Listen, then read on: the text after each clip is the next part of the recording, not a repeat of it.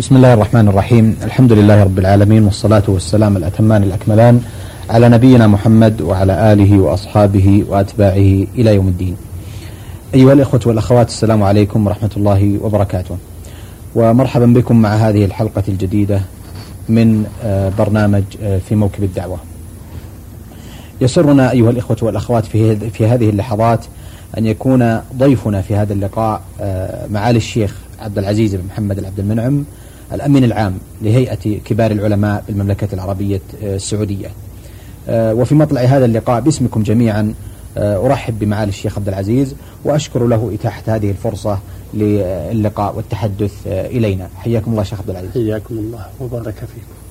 آه، معالي الشيخ عبد العزيز آه، اعتدنا في مثل هذه اللقاءات آه، أن يكون لنا استماع من الضيف حول مولدكم ونشأتكم. بسم الله الرحمن الرحيم.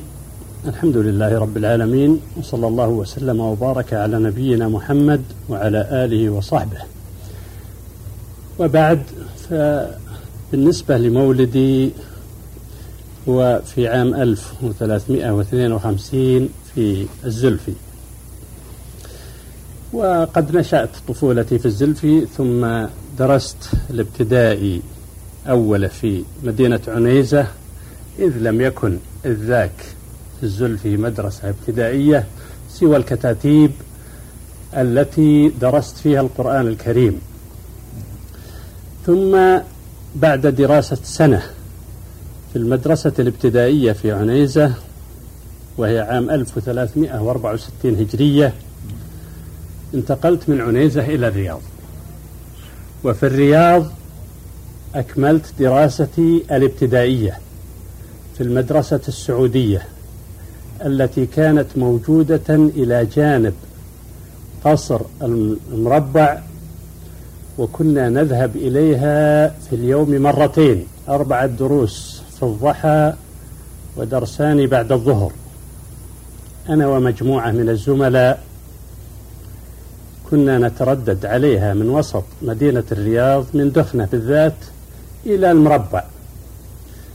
وأذكر من زملائي إذ ذاك الشيخ عبد الله غديان والشيخ محمد بن زرعة والشيخ محمد الدريبي والشيخ أحمد بن سليمان ومجموعة من الإخوان. ثم بعد أن أخذت الشهادة الابتدائية انتقلت إلى الطائف فدرست في دار التوحيد المرحلة المتوسطة والسنة الأولى الثانوية. ثم عدت إلى معهد الرياض عام 72 لأكمل فيه المرحلة الثانوية ثم في كلية الشريعة في آه، الرياض حيث أكملت فيها دراستي. ثم بعد ذلك عينت مدرسا في معهد المجمعة العلمي لمدة سنتين ثم مديرا لمعهد الرياض العلمي لمدة 13 سنة. ثم تفرغت للماجستير والدكتوراه وحصلت على الدكتوراه عام 1397 وبعده عينت وكيلا لرئاسة آه، هيئة الأمر بالمعروف والنهي عن المنكر وبقيت فيها أربع سنوات ثم انتقلت بعد ذلك أمينا عاما لهيئة كبار العلماء عام 1404 ولا زلت فيها باقيا إلى الآن. أحسنتم شيخ عبد العزيز. آه، الحقيقة أيضا آه، بدنا أثناء هذا المشوار الطيب المبارك من التعليم والمسؤوليات التي كلفتم وأردتم بها. هناك العديد من المشايخ الذين تتلمذتم عليهم أو تأثرتم بعلمهم وأدبهم وخلقهم, وخلقهم. هل لكم أن تذكرون بعض هذه الأسماء والشخصيات الشيخ عبد العزيز؟ في المرحلة الابتدائية في عنيزة بالذات تأثرت بالأستاذ صالح الصالح رحمه الله. فلقد كان ذو شخصية قوية وخط جميل فكان أسوة وقدوة تأثرت به صحيح. آه، في المراحل التالية تتلمذت على مشايخ كثيرين. قبل في آخر سنوات الابتدائي تتلمذت على الشيخ عبد اللطيف بن إبراهيم رحمه الله. في المسجد مسجد دخنة مسجد الشيخ محمد بن إبراهيم في النحو وفي الفرائض. وكان النحو درسه بعد الفجر والفرائض بعد المغرب.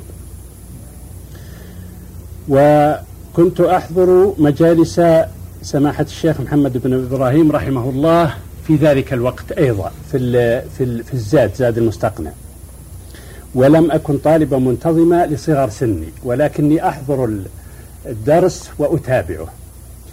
وكنت أتذكر آه، الشيخ محمد بن قاسم وهو يكتب أقارير وتقارير الشيخ. آه، بعد ذلك في دار التوحيد من مشايخي في العقيدة الشيخ عبد الرزاق عفيفي رحمه الله وفي النحو الشيخ عبد اللطيف سرحان وفي التفسير عبد المنعم النمر ومحمد حسين الذهبي وفي الفقه الشيخ عبد الله الخليفي رحمهم الله جميعا. في الرياض بعد ذلك في المعهد وفي كلية الشريعة في الفقه والعقيدة الشيخ عبد العزيز بن باز. هو من مشائخي ودرست عليه طويلا. شرح الطحاوية والحموية والتدمرية وزاد المستقنع مع الروض المربع كان هو الذي يلقي علينا الدروس. في ذلك ونتلقاها منه ونناقشه. مدة طويلة يعني سنتين في الثانوي والكلية. في التفسير الشيخ محمد الأمين الشنقيطي رحمه الله وفي أصول الفقه كذلك. الشيخ شنقيطي. في النحو الشيخ يوسف عمر الشيخ يوسف الضبع وفي الأدب والنقد والبلاغة الشيخ محمد سرحان وغيرهم من المشايخ. نعم. أحسنتم معالي الدكتور. لكن آه دراستكم في دار التوحيد آه كانت آه يعني أي دفعة كانت آه، التي تخرجتم فيها؟ كان قبلكم عدد من الدفعات؟ كان قبلي أربع دفعات. أربع دفعات. لأني التحقت بها في أول عام 69 وكانت أول دفعة ذهبت إلى كلية الشريعة في تلك السنة في عام 69 هجرية. ولكن الحق يقال أن الدراسة ذلك الوقت كانت جدية. الطلبة في دار التوحيد في تلك السنة 72 طالب. ولكن المقررات تصور في المرحلة المتوسطة يفرض علينا حفظ ألفية بن مالك في النحو. ما شاء والمرجع هو شرح ابن عقيل عليها. وجميع الدروس كانت في غاية القوة. إلى حد أن اللي تخرج من دار التوحيد أحس أنه يعني في مستوى راقي عن يعني مع مقاييسنا الآن. كذلك المدرسون. حتى إن بعضهم إذا جاء من مصر قالوا نحن ندرس هناك في الكليات ودار التوحيد متوسطة وثانوية. فكان الشيخ محمد بن مانع رحمه الله يقول هذه المدرسة اختص بها الملك عبد العزيز. هو أوصاني بالعناية بها. وهذه رغبة سامية في أن تزود بكبار العلماء. فكان اللي يدرسون فيها علماء كبار يأتون من الكليات من هناك. منهم الشيخ عبد الرزاق عفيفي كما أسلفت ومنهم الشيخ محمد الذهبي ومنهم عبد المنعم النمر ومنهم عبد السلام سرحان ومحمد سرحان وعبد اللطيف سرحان وكلهم فطاحلة. ومنهم الشيخ طه الساكت كان يدرسنا في الحديث ومنهم سيد الحكيم كان يدرسنا في أصول التفسير. ومنهم زكي غيث كان يدرسنا في النحو ومنهم آه، رياض هلال كان يدرسنا في الأدب تاريخ الأدب العربي وهكذا. ما شاء الله. ثابكم الله شيخ عبد العزيز. لكن إلى ماذا يرجع الآن الفرق أو الضعف الموجود بين الطلاب الآن في سواء في حتى في الكليات الشرعية يعني قد يوجد ضعف يعني متفشي بخلاف ما كان يوجد في تلك المراحل التي درستم فيها وتعلمتم؟ يا أخي السبب واضح. ما نشاهده الآن وما يعج به المجتمع من وسائل شغلت الناس. الواحد منا يود أن يقرأ هذا الكتاب في عشرة أيام فلا يقرأه إلا في شهر. السبب كثرة الوسائل. ذلك الوقت لم يكن هناك تلفزيون ولم يكن هناك آه، أنشطة متنوعة تمتص نشاط الواحد. أذكر أننا حينما نجتمع لشرب الشاي بعد العصر لا يكلم الواحد منا الثاني فكل واحد بيده كتاب. كان سليمان الشلاش البيالة بيد والكتاب بيد ويقرأ. كان سعيد الجندول نفس الشيء. وفلان وفلان عبد الله الحصين أذكر الكتاب بيد والبيالة بيد. فما كان هناك آه، ملهيات أو مغريات أو أشياء تمتص وقت الواحد. الآن لله الحمد الواحد من صغره تتيسر له السيارة والسيارة لا شك أنها آه، تأخذ من وقت الواحد الشيء الكثير. البيت مملو كل غرفة فيه يكاد يكون كل غرفة فيه فيها تلفزيون. هذه لا شك أنها مشغلة. أما في ذاك الوقت فالذهن خالي والإنسان متفرغ وحتى الاتصال بأهله هو بدار التوحيد وأهله مثلا في بلدة في نجد. كيف يتصل بهم؟ بواسطة خطاب يأتيه بعد شهر. فهو متفرغ الذهن نهائيا من كل شيء ولا يسمع شيء حتى الأخبار. الإذاعة السعودية طبعا أنشئت عام 69 نعم. فكنا نسمع عنها وإذا أردنا أن نسمعها نذهب لعبد الرحمن العطر. كان مراقب بالدار التوحيد. نذهب إليه لنسمع الأخبار ونشوف الشيء الإذاعة. إلى هذا الحد. فما دام الأمر كذلك؟ فالسبب واضح. السبب واضح في كون الطالب في ذاك الوقت آه، عنده حصيلة علمية ويسهل عليه أن يقرأ من الكتب الشيء الكثير وأذكر أنهم كانوا إذا دخل الواحد إلى مكة ذهب إلى باب السلام وكانت فيه المكتبات وأتى بالكتاب فصار بينهم تبادل. هذا يعطي هذا كتاب كذا وهذا كتاب كذا وهذا كتاب كذا ثم كل يقرأ الكتاب اللي بيده وإذا انهاه أعطاه الثاني وأعطاه كتابا غيره. وهكذا. نعم. أحسنتم معالي الشيخ عبد العزيز. أه، الحقيقة بودنا أن أن نخوض أو نعرف الإخوة المستمعين والمستمعات ب أه، هيئة كبار العلماء التي تتولون أمانتها منذ فترة. وبودي أن نستمع من معالي الأمين العام لهيئة كبار العلماء الشيخ عبد العزيز العبد المنعم إلى تعريف بهذه الهيئة ونشأتها. هيئة كبار العلماء هي هيئة علمية عليا آه، وأستطيع أن أقول أنها الهيئة الأولى للفتوى. أو الهيئة العليا للفتوى في المملكة نعم. طبعا يرأسها سماحة الشيخ عبد العزيز بن باز الآن وأنشئت بمرسوم ملكي عام 91 هجرية 1391 نعم. وتتكون الآن من رئيس ومن عشرين عضو في بداية نشأتها كم كان عدد أعضائها؟ عدد أعضائها كانوا في حدود ستة عشر عضو. وكانت الرئاسة بالتناوب بين خم بين أكبر خمسة من أعضائها. نعم. أكبرهم عمرا ثم قبل ست سنوات آه، صدر الأمر السامي أن يكون سماحة الشيخ عبد العزيز هو رئيسها. نعم. وزيد الأعضاء ليكملوا عشرين عضوا. وطبعا تنظر في المسائل المشكلات وهذا بالإضافة إلى ما يرى ولي الأمر عرضه عليها للنظر فيه وإبداء الرأي الشرعي فيه تنظر في المسائل في المسائل العويصة ذات الصفة العامة ذات الصفة الخاصة أو الشخصية هذا تنظر فيه لجنة متفرعة عنها هي اللجنة الدائمة آه، للبحوث العلمية والإفتاء ويرأسها الشيخ عبد العزيز بن باز وتتكون من آه، رئيس ومن أربعة أعضاء. وهي في الرئاسة وعملها في الرئاسة وهي آه، فرع من هيئة كبار العلماء. أما هيئة كبار العلماء مجلس هيئة كبار العلماء فينظر في الأمور ذات الصفة العامة. يعني فتوى تتعلق بأمر عام. لا تخص شخص بعينه وإنما أمر عام. كالنظر في مثلا مسألة تتعلق بأمر يتعلق بالمشاعر. أو يتعلق بفتوى تتعلق بمثلا أمر اقتصادي كبعض الأمور اللي تجري في البنوك أو نحوها. يعني أن يكون لها صفة عامة فاللج فالهيئة تنظر فيها. الهيئة لها آه اجتماعان في السنة دورتان. كل ستة أشهر دورة.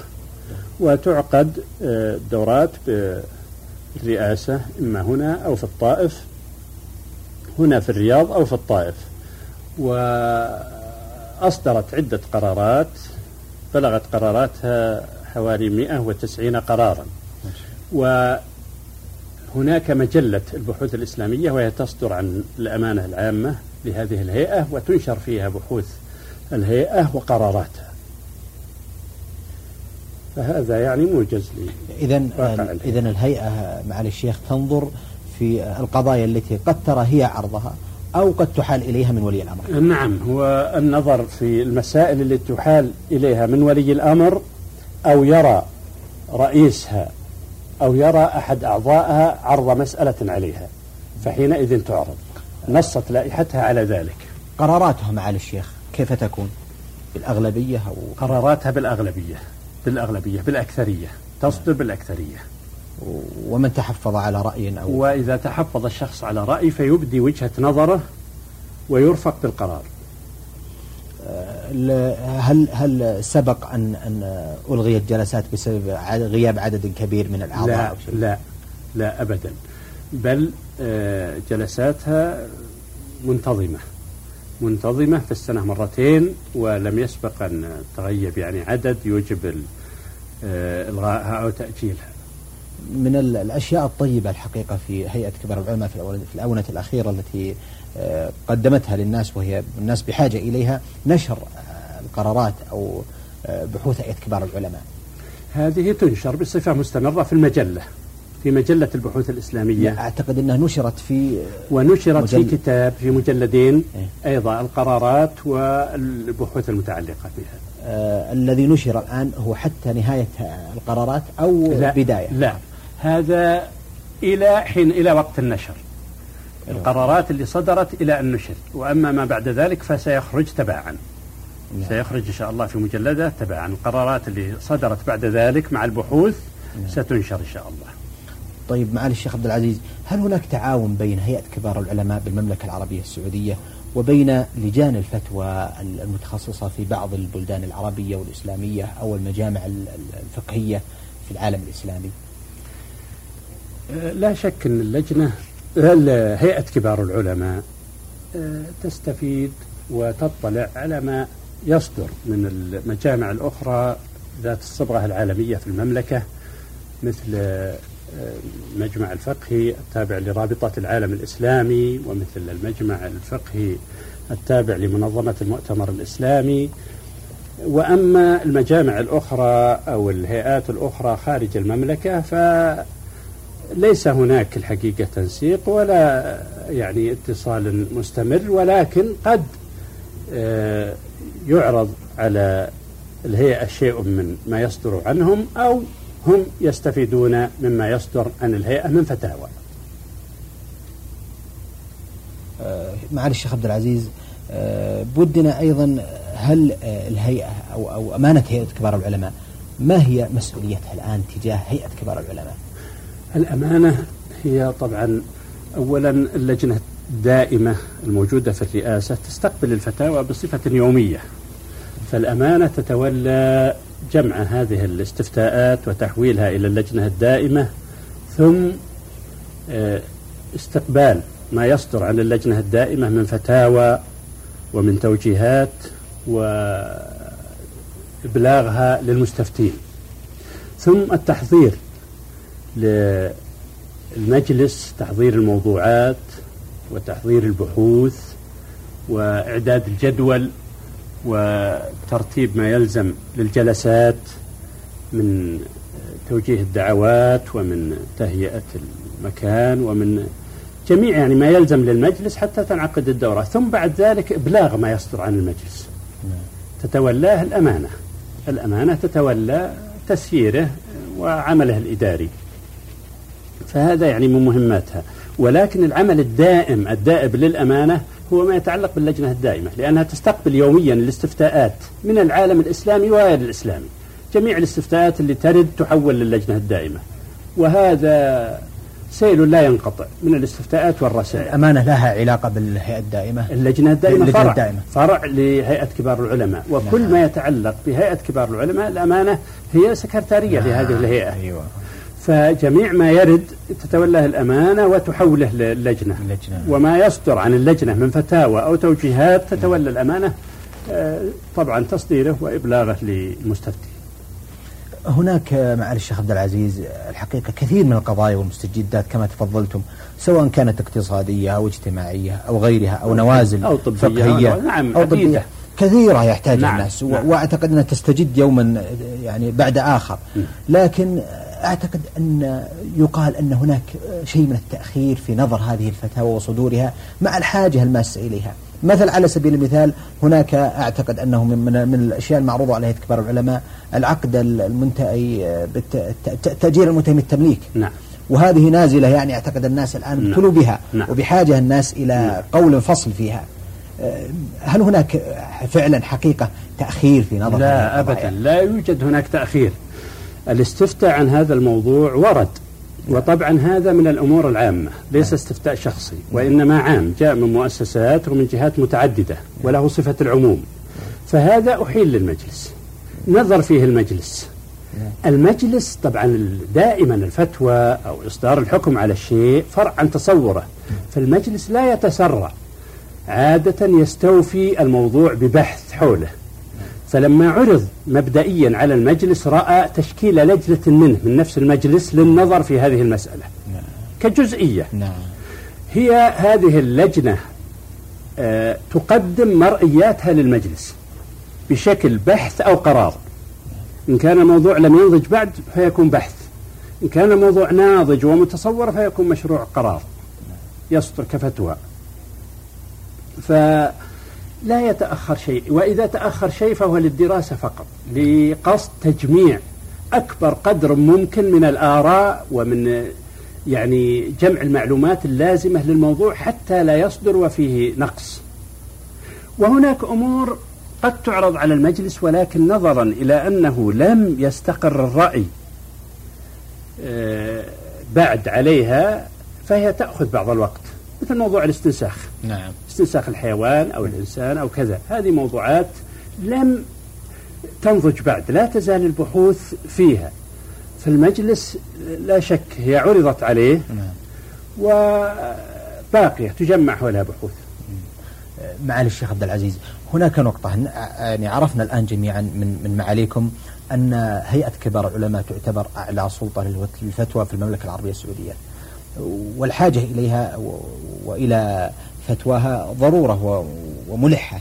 لكن هل سبق للهيئة أن تعاونت مع بعض المختصين سواء كان في الاقتصاد أو الطب أو غيرها بحكم الاستفادة من آرائهم في هذا الموضوع بالذات حتى تستأنس به نعم. وتطلق عليه الحكم الشرعي بعد ذاك؟ نعم. هذا نص عليه نظامها. نعم. هي تستعين بالمختصين في مجال اختصاصهم تستعين بأطباء.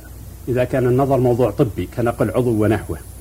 وطبعا صدر منها عدة فتاوى تتعلق بنقل الأعضاء وزراعتها ونقل الدم ونحوه. آه، كذلك في الاقتصاد تستعين بالاقتصاديين المختصين.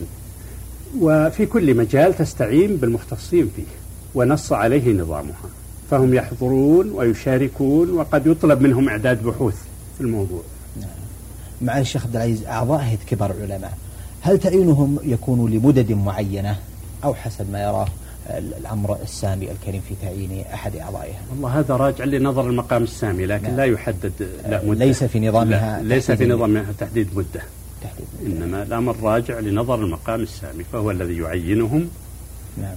ويبقى العضو إلى أن يعجز أو نعم نعم. يتوفاه الله. أحسنتم معالي الشيخ عبد العزيز.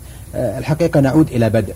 وهو أنكم تقلبتم في عدد من ال- المسؤوليات التي قد تكون مختلفة سواء كان في التعليم أو في رئاسة هيئة الأمر بالمعروف عن المنكر أو أمانة هيئة كبار العلماء. كيف ترون الانتقال بين هذه المسؤوليات وأقربها لنفسكم معالي الشيخ؟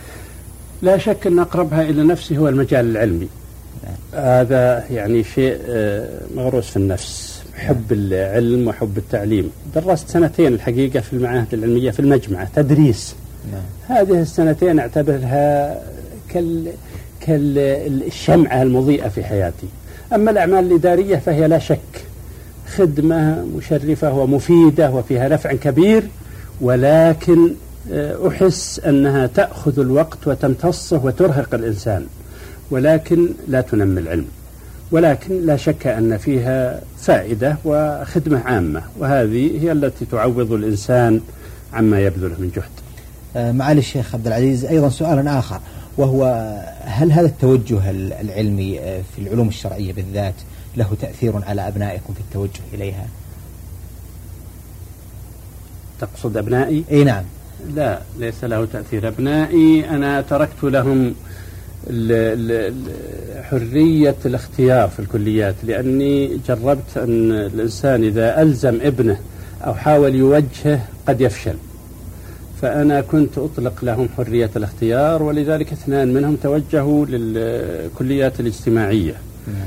فلم يكن لذلك تأثير كثير عليهم. أحسنتم معالي الشيخ عبد العزيز.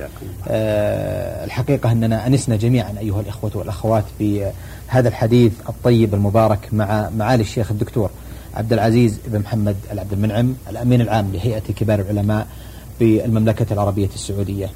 ونظرا لضيق الوقت فإنني أعتذر آه، لكم آه، عن مواصلة الحديث مع معالي الشيخ آمل بإذن الله تعالى.